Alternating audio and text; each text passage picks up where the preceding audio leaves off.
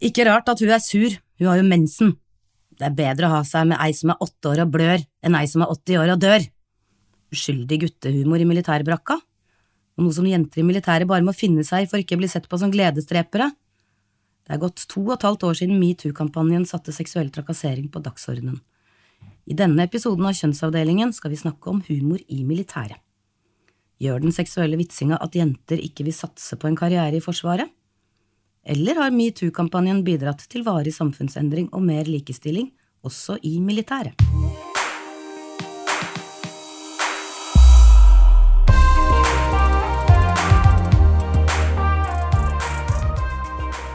Du hører på Kjønnsavdelingen, kilden kjønnsforskning.nos podkast om kjønn og likestilling, med meg, Trine Rogg Korsvik, som i dag har med meg Berit Bråten, Ulla-Britt Lilleås og Siri Sanjo.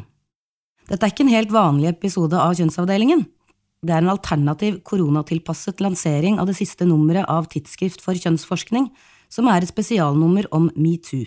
Dette er det første av to podkaster om kjønn og likestilling etter metoo. Tidsskrift for kjønnsforskning er et tverrfaglig vitenskapelig tidsskrift som presenterer ny forskning med kjønnsperspektiver. Du finner tidsskriftet med alle artikler åpent tilgjengelig på kjønnsforskning.no.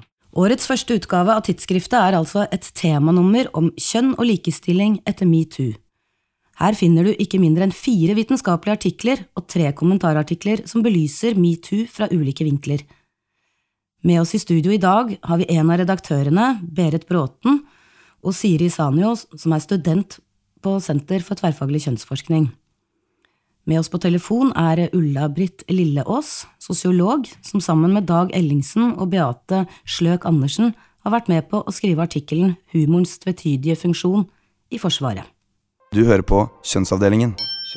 Ulla-Britt Lilleås Lillås er jo da sosiolog og har sammen med Dag Ellingsen og Beate Sløk Andersen skrevet artikkel om humorens tvetydige funksjon i det norske og det danske forsvaret. Hvordan den kan virke oppbyggelig og samlende i en krevende hverdag, men altså også motsatt, som seksuelt trakasserende og derigjennom nedbrytende for forsvarsfellesskapet. Og da særlig for kvinnelige soldaters plass i dette fellesskapet. Det skal vi komme tilbake til, men først, Ulla-Britt, kan du si bitte lite grann om bakgrunnen for at dere har gjort eh, feltarbeid i det norske og danske forsvaret? Eh, ja, for oss så startet det med et oppdrag fra Forsvarsdepartementet i 2011 Eh, de hadde i mange år ønsket flere kvinner inn i Forsvaret uten å lykkes, og ville vite hvor mange som sluttet etter førstegangstjenesten. Eh, og vårt utgangspunkt har da vært eh, maskulinitetskulturer i Hæren og Sjøforsvaret. Akkurat. Og eh, hva slags metoder har dere brukt da når dere har eh, gått fram? Når dere har liksom nærma dere soldater og, og forsvarsfellesskapet? Eh, vi har fulgt jenter og gutter fra de kom inn i eh, Forsvaret til de var ferdig i tjenesten, både i Hæren og Sjøforsvaret. Og i eh, hæravdelingen har vi vært tre ganger. Vi bodde der, intervjuet menig og befal og ledelse, og observerte under øvelsen. Det samme gjorde vi i marinen. Men der bodde jeg også eh, en ukes tid på et marinefartøy.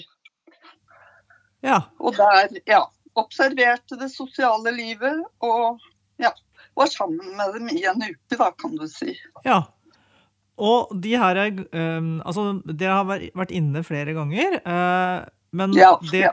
men, det, har skjedd gjennom en ganske lang uh, tidsperiode. Altså nesten ti år har dere holdt på med det her, sant? Jo, men det er jo fordi vi har hatt flere prosjekter. Men ja. nå startet jeg med det første. Ja, nettopp. Ja. ja. Eh, og så eh, den danske studien. Eh, hun har vel da vært inne i Forsvaret sjøl, hun Beate Sløk Andersen som har gjort det? Ja. ja. Hun har jo erfaring eh, fra, fra, det danske forsvaret, og eh, skrevet sin doktorgrad om det. Ja, og har gjort eh, sånn deltakende observasjon som soldat i førstegangstjeneste ja. sjøl. Ja. Mm. Det stemmer. Jepp. Uh, I denne artikkelen i Tidsskrift for, kjønns for, kjønnsforskning så skriver dere altså om humor. Uh, og Hvordan ble dere oppmerksom på humor i forsvarshverdagen? Altså Det med humor det har vel egentlig bare sunket inn sakte, men sikkert. Det er ikke noe vi ble slått av sånn umiddelbart. Eh, Det var et problem vi ble klar over gjennom de historiene vi hørte fra Nettopp. soldatene. Mm. Mm. Så det her var ikke noe dere hadde tenkt på forhånd, det var noe som eh, soldatene fortalte dere? Det var det. Ja. Og for noen, ja, som sagt, så var det opplevdes det for noen som en krenkende atferd, mens andre sier at det bare var en spøk. ja. Eh, men når noen sier at det bare er en spøk, hvis vi skal begynne med det, eh, Mhm. Hvorfor gjør de det? Altså, hva er det liksom med Forsvarets humorbruk som kan virke inkluderende? Altså, hva er det som gjør at det er viktig der? Altså Det med humor er jo veldig viktig for trivsel og samhold i Forsvaret, særlig fordi at hverdagen er krevende. Den er både stillestrålende, men samtidig ekstremt fysisk og psykisk utfordrende. Eh, Og da kan humor være ja, skape en god latter og løfte stemningen. Mm. Og en måte å mestre soldatlivet på, rett og slett. Ja, så det blir en slags mestringsstrategi. Det gjør det. Ja. Men eh, på hvilken måte kan den virke ekskluderende, da? Altså Når du sier at mange har negative erfaringer med det og opplever det trakasserende, hva er det som skjer da? Altså Forsvaret er jo en mannsdominert arbeidsplass. Og der omgangsformen ofte er krydret med et eh, seksualisert språk. Mm. Og når kvinner er i mindretall eller er alene, og daglig møter seksualiserte huskeregler, eh, stadig må høre på nedsettende karakteristikker om deg selv, eller bli befølt av en medsoldat, da er vi over i diskriminering eller seksuell trakassering. Mm. Men, men hvorfor altså for at Dere har jo i den artikkelen noen ganske sånn grove eksempler på eh, det her, eh, og hvordan det utspiller seg. Eh, og når det får lov til å være der på et vis, eh, og være noe som særlig jenter da opplever eh, negativt, eh, hva kommer det av? Liksom, hvorfor får det her lov til å foregå i Forsvaret? Ja, hva skal vi si Ehm, Det får jo Altså egentlig er det jo nulltoleranse i Forsvaret for seksuell trakassering. Men så er det sånn at få rapporterer, og det kan være stor usikkerhet om hvor grensen går. Mm. Og det er få som vil utsette seg for å være en gledesdreper, da. Eller en som ødelegger stemningen. Mm. Så derfor så blir det det, blir, ja, det kan bli ganske eh, vanskelig å eh, få rapportert det, rett og slett. Mm. Men hvis, hvis du skal ta et eksempel på en sånn, et sånt tilfelle, og da gjerne noe fra den artikkelen der jenter blir usikre på om det er trakassering eller ei, eh, Ja. hva vil du si da? Altså, Nei, skal, altså, det, det kan jo være f.eks. Eh, dette med guttastemning er veldig en, eh, noe som skjer når eh, flere gutter er sammen. Og ofte er det da én jente på rommet. Og så er det en stemning som bygger seg opp, og som går på eh, seksualiserte sanger og tekster. Og som da gjør at eh, de fleste jentene føler seg utafor. ja. Litt Og sånn. de, at- ja, Mm. de, de trives ikke lenger, kan vi kanskje si. Nei. For at den dialogen som da foregår mellom gutta, blir liksom Den blir veldig gutteintern. Eh, Det kan du si. Og veldig mye med hva de har lyst til å gjøre med damer når de kommer seg ut. Og eh, hvordan de tenker om eh, kvinner. Eh, veldig mye om kvinnekropp og et negativt språk om kvinnekroppen. Mm. Men, men så vil jo da noen innvende at denne type, hva skal vi si Altså det som noen opplever som litt sånn trakasserende, men som er liksom vitsing og en seksualisert dialog, eh, at det liksom bare er på gøy. Eh, hva vil du si da? Altså eh, Jeg tror, ja, du, jeg tror at eh, få som hadde hørt dette her, ville mene det. Fordi det er når humoren blir uakseptabel og krenkende at eh, jentene reagerer. Mm. Mange har jo opplevd noe av dette her på videregående. Mm. Men som de sier, dette her er tross alt en arbeidsplass. Mm. Ja, og der du må være eh, både dag Ja, og og du natt. kan, ja, du kan jo ikke bare dra derfra heller. Hvis du bor i en hytte langt ut på grensa f.eks., er eh, grensesoldat, så kan du ikke bare rømme derfra. Nei. Da må du være der og høre på dem. Ja, Mm. Eller du er om bord på et militært fartøy, så kan du heller ikke gjøre det. Nei. Mm. Eh, vi skal komme tilbake til deg, Ulla-Britt, men først vi har med oss eh, Siri Sanjo eh, i studio her, som er student ved Senter for tverrfaglig kjønnsforskning. Eh, og som i tillegg jo da står soldatene som Ulla-Britt og kollegaene hennes har forska på, litt nærmere i alder eh, enn det de forskerne gjør. Eh, og da vil jeg spørre deg, Siri, eh, er du overraska over eh, det Ulla-Britt og co. fant? Eller er det gjenkjennbart, basert på liksom erfaringer du har fra de siste åra dine? Nei, dessverre så kan jeg ikke påstå at jeg finner empirien veldig overraskende. Eh, og eh, som det også poengteres i teksten, så kan det jo virke som at det er litt innforstått at særlig i militæret eller forsvaret at det finnes sånne type eh, holdninger til humor, seksualisert humor. Um, allikevel så tenker jeg at det er veldig påfallende hvor langt unna akseptabelt det for øvrig er i storsamfunnet, sånn type humor som det her på arbeidsplassen. Um, men jeg vil si at uh, som jeg som selv er 20 år, kommer relativt eh, rett ut fra videregående, har vært russ for ikke altfor lenge siden, Ja. eh, er veldig godt kjent med f.eks. begrepet guttastemning, som tidligere ble nevnt. Eh, og jeg kan absolutt eh, si meg enig i på en måte forståelsen av hva guttastemning kan medføre på den andre siden av fellesskapet som guttastemningen kan skape.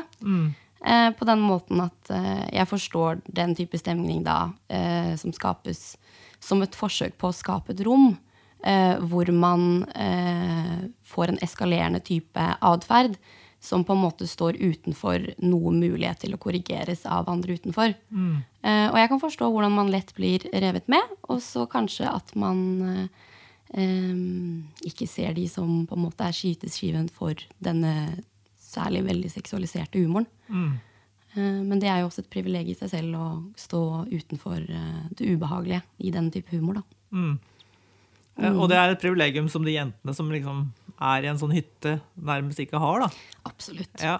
Eh, men eh, altså hvordan, altså du sier at det er gjenkjennbart fra videregående og fra russetida. eh, og det, vi, kan jo liksom, vi kan jo se det for oss på et vis. Ja. eh, men sånn sett fra ditt eh, ståsted, eh, hvorfor oppfører gutter seg sånn? Altså, Hvor kommer den her trangen til å dra ganske grove seksuelle vitser eh, nærmest non stop i noen sammenhenger, og ha et veldig sånn eksplisitt språk? Hvor kommer det fra? Det er et godt spørsmål. Jeg tror det kan finnes veldig mange ulike grunner. Um, men eh, jeg tror at i en situasjon som f.eks. For Forsvaret, så sånn som artikkelen påpeker, så kan det være et behov for å skape et fellesskap. Og å på en måte eh, få en mulighet til å oppleve noe annet enn den tunge hverdagen. Um, og at man da kan ty til uh, veldig sånn uh, eskalerende type humor som skaper interne spøker og sånne ting. Og eh, hvis man skal snakke litt om på en måte hvem som går inn i militæret, så kan man jo eh, argumentere for at det er veldig mye forskjellige typer folk. Eh, og at man da på en eller annen litt rar måte ser f.eks. Eh, seksualisert humor som en sånn fellesnevner for det alle kan oppfatte som morsomt og gjenkjennbart, eller at, det relaterer til erfaringer i livet når man er 20 eller litt yngre og litt eldre. Um, og så tror jeg absolutt at på en måte denne guttastemningen uh, i kraft av å ikke korrigeres, da, eh, kan komme litt ut av kontroll og kanskje um, bli noe som starter uh, kanskje veldig forsiktig, og så kanskje kan det få mer og mer ubehagelige trekk, da. Eh, Men, men hvor vil du si at liksom grensen mellom morsomt og trakasserende går? Altså hvis det, hvis det i det hele tatt er mulig å eh, trekke opp en sånn grense. Men hvis du skulle se det fra ditt ståsted, da, eh, og fra dine erfaringer, når er noe morsomt, og når tipper du over i det trakasserende? Jeg tenker jo at man strengt tatt ikke er særlig morsom dersom man kun kan spøke på en skadefull eller fornærmende måte. Nei. Og det er en grei pekefingerregel. Eh, men eh, jeg tenker også at, eh, at eh, det å sparke nedenfra og opp alltid er veldig hyggelig, men at i dette tilfellet hvor det er et eh, flertall gutter og sånne ting, at eh, i det hele tatt seksualisert humor med på en måte jentene og kvinnenes kropp og seksualitet som skyteskive veldig vanskelig skal gjøre seg vellykket da, for alle. Mm. Så jeg tenker også at i det øyeblikket humoren har nedsettende eller hatefulle eller negative da, holdninger i, i seg, eh, når det kommer til kjønn og seksualitet og kropp, særlig da i, denne, i dette tilfellet for jenter, at da kan man an, beskrive det som trakasserende. Og at det blir et, sånt, et slags maktelement i det, i og med at gutta er så mange og jentene så få. Eh, og at det da blir lett å liksom Det her blir en type sånn sparke nedover-humor, da. Ja, absolutt. Og det, for å komme litt tilbake til det spørsmålet du stilte nettopp òg, eh, hvorfor man har slik bruk av sånn type humor. At det er mange grunner til det. At det også kan være f.eks. et behov for å markere seg, eller, eller kontroll og makt, eller bare å få innpass i gruppen. Og at eh, eh, å være et fellesskap gutter kan, kan virke hyggelig for guttene, men da på bekostning av jentene. Men eh, sånn, eh, hvis vi skal da snakke, om endring For at, eh, som Ulla-Britt var inne på innledningsvis, så har det jo vært en, et mål fra Forsvarets side at eh, det her skal være en likestilt organisasjon. Eh, og i en likestilt organisasjon så kan man jo ikke ha det sånn. Eh, og Ulla-Britt, hvis du skulle si noe om det, altså hvordan kan man få, få til endring her? Eh, ja, jeg mener jo at arbeidsmiljøet eh, er et lederansvar. Mm. Og nå har jo kvinner som sagt plikt til å utføre militærtjeneste på linje med menn, og da er det forsvarsledelsens jobb å sørge for at det er et godt arbeidsmiljø for alle. Mm. Og da Ja, det trengs bedre rapporteringskanaler. Og f.eks. en oppfølging av MOST-undersøkelsen, som faktisk har klart å sette søkelyset på uakseptable hendelser i Forsvaret. Eh, Det hadde vært bra. Ja, Og flere, og flere menn som sier ifra. mm. for den MOST-undersøkelsen det er en, eh, en undersøkelse som er gjort blant eh, soldater i bredden i Forsvaret. Ja, den ble gjort i 2018. Ja. Og eh, ja, den har nok satt noen spor etter seg. Ja, for den viste da at det var ganske utbredt eh, eh, det å ha erfart en eller annen form for seksuell, seksuell trakassering. Ja, og så Mm. var det også dette her med alvorlighetsgraden. Ja. Altså nå Altså det med fysisk eh, Eller med voldtektslignende eller overgrepssaker har jo ikke vi vært borti i det hele tatt. Men den studien viste jo at det var også snakk om eh, flere voldtekter, og mange flere enn det som var rapportert. Nettopp. Sånn at du tenker at det å få endra det her, det er et institusjonelt og et eh, organisasjonsforsvar i Eller i, eh, ansvar i Forsvaret. Absolutt. Mm. Og det eh, tror jeg nå, i hvert fall de vi har vært i kontakt med, sånn som i fjor, Mm. eh, så var vi tilbake i eh, den ene avdelingen, og der var de allerede i gang med å gjøre tiltak. Ja. Nettopp. Eh, Siri, hva tenker du om endringa? Jeg er veldig enig i det som nettopp ble nevnt, at eh, det er viktig å huske på at det her er eh, et strukturelt problem, og at det ikke skal bagatelliseres til enkelthendelser eller, eh, eller personifiseres eller gjøres til eh, problemer til enkelte jenter, men at man må se det her i, en større, i et større bilde. Og, og at det absolutt ligger på eh, at her er det på en måte ledelsen som må stå til ansvar for det som skjer, særlig med tanke på at det som kommer frem, er at de som er toneangivende, altså eksempelvis befaler, er i stor grad også er de som, som um, tar initiativ til å starte denne type seksualiserende humor. Mm. Så absolutt. Så befaler må sette et godt eksempel. Ja. Eh, hvis du er eh, ung og kommer inn i en sånn total institusjon som Forsvaret i dette tilfellet er, mm. så er det ingen tvil om at, eh, om at det er ledelsen sin, sitt ansvar å, å, si tydelig fra hva som er greit og ikke greit. Mm. Men tenker du at uh, For at uh, Ulla-Britt og kollegaene skriver jo artikkelen om det her som et litt sånt uh, Noe som kan tolkes som et generasjonsfenomen. Altså at det er noe unge gutter har med seg, sånn som du var inne på i stad òg. Mm. Fra videregående, fra rustetida inn i Forsvaret. tenker du at det er Altså det, det er noe med liksom guttekulturen, da. er det noe som Er det mulig å endre den, tenker du?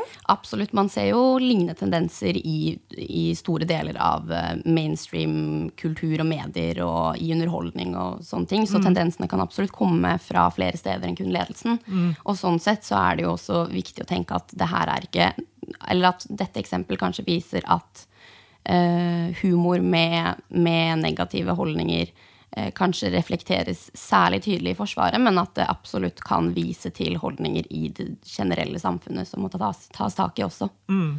Mm. Er du enig i det, Ulla Brett? Ja, absolutt. Mm. Jeg tror ikke vi er noe uenige på noen måte her. Så mm. det, absolutt. Og jeg tenker også at uh, både metoo og Most-undersøkelsen har satt fart i hvert fall i Forsvaret og forsvarsledelsen. Mm.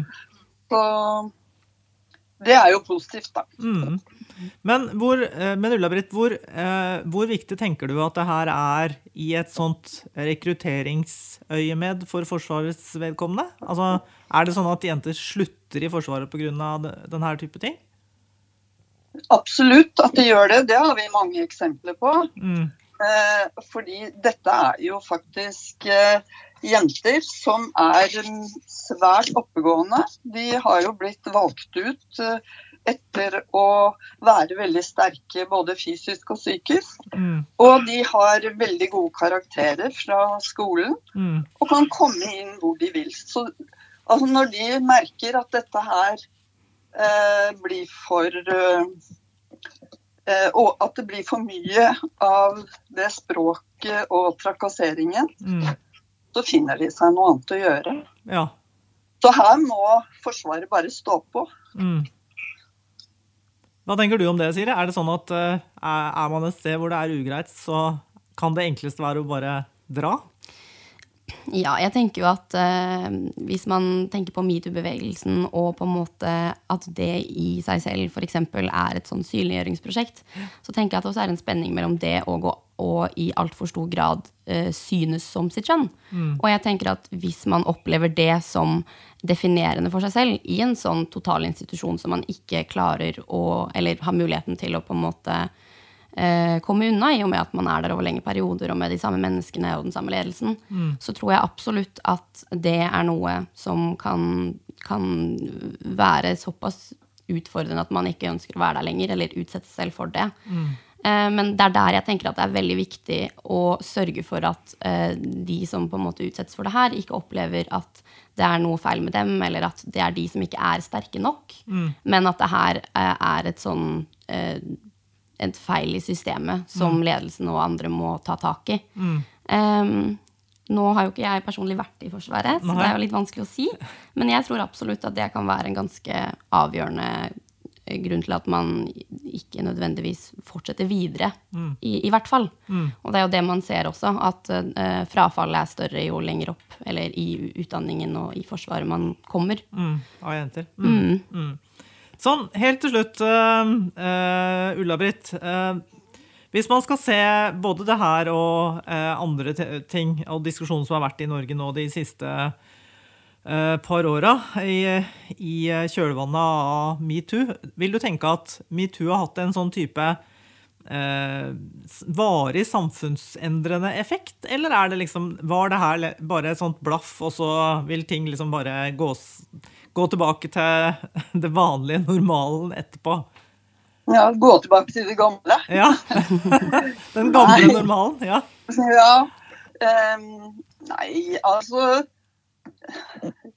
Jeg eh, velger vel å se litt positivt på dette her. Jeg tror, altså Det snakkes jo om metoo veldig mange steder nå, og i veldig mange miljøer. Og um, det har liksom satt eh, fart i, på noen områder, sånn som jeg vil si foreløpig i Forsvaret. Får vi se hva som skjer. Men jeg tror aldri vi kan lene oss tilbake og tro at vi nå har vi kommet langt. Dette Nei. er noe vi må ha, vi må, uh, ha i bakhodet hele tiden. Eller ledelse og i det hele tatt de som uh, har noen mulighet til å legge opp politikk og bestemme innenfor ulike organisasjoner. De eh, må fremdeles være på alerten i år som kommer. Jeg tror ikke det er bare nå har vi gjort det vi skal. Nei, at det må være et uh, kontinuerlig søkelys på det. Hva tenker du, Det er målet. mm, hva tenker du Siri? Jeg tenker absolutt det samme. Jeg tenker også at Hvis man skal snakke om varig samfunnsendring, så er ikke det Det skjer ikke før storsamfunnet eh, tar inn i seg de nye holdningene man f.eks. i metoo ønsker å endre. Eh, men for at dette skal skje, så må man jo først eh, konfrontere og avdekke tidligere holdninger. Eh, så jeg tenker at eksempelvis denne undersøkelsen i Forsvaret er et veldig riktig steg. Eller steg i riktig retning. Absolutt. Så gjelder det nå å ikke lene seg tilbake og tenke at her er vi i mål. Før, før man er det. Nei. Man må ikke ta det for gitt. Nei, spørsmålet er jo om vi, spørsmålet er jo om vi kommer i mål. Ja. At det er et hele, eh, noe som eh, alltid vil kreve oppmerksomhet. Det mener jeg, da. Men, Ja. men det er sikkert andre som har andre meninger om det. Da tenker jeg vi sier at det var kloke ord til slutt. Og så sier vi takk til Ulla-Britt Lillås og Siri Sanjo. Jo, takk. Ha Takk, takk. Ha det bra. Du har hørt på Kjønnsavdelingen. Vi har gitt en smakebit fra det siste nummeret av Tidsskrift for kjønnsforskning med temanummer om kjønn og likestilling etter metoo. I neste episode av Kjønnsavdelingen skal vi snakke med May-Len Skilbrei og Katrine Holst om rettssystemets rolle når man har blitt utsatt for seksuell trakassering, og dessuten om hvordan man mer teoretisk kan forstå seksuell trakassering. Du kan alltid finne forskningsartikler fra Tidsskrift for kjønnsforskning på kjønnsforskning.no. Vil du høre mer om metoo, kan du også bla tilbake til Kjønnsavdelingens episode Metoo og kjønnsbalanse i kulturbransjen, som er et opptak fra 8. mars 2018. Der kan du høre kvinner i musikk- og filmbransjen fortelle om seksuell trakassering, og komme med forslag om veier til et mer likestilt kulturliv. Kjønnsavdelingen er produsert av Kilden kjønnsforskning.no med hjelp av Ology Studio. Mitt navn er Trine Rogg Korsvik, og jeg takker for at du har lyttet til Kjønnsavdelingen.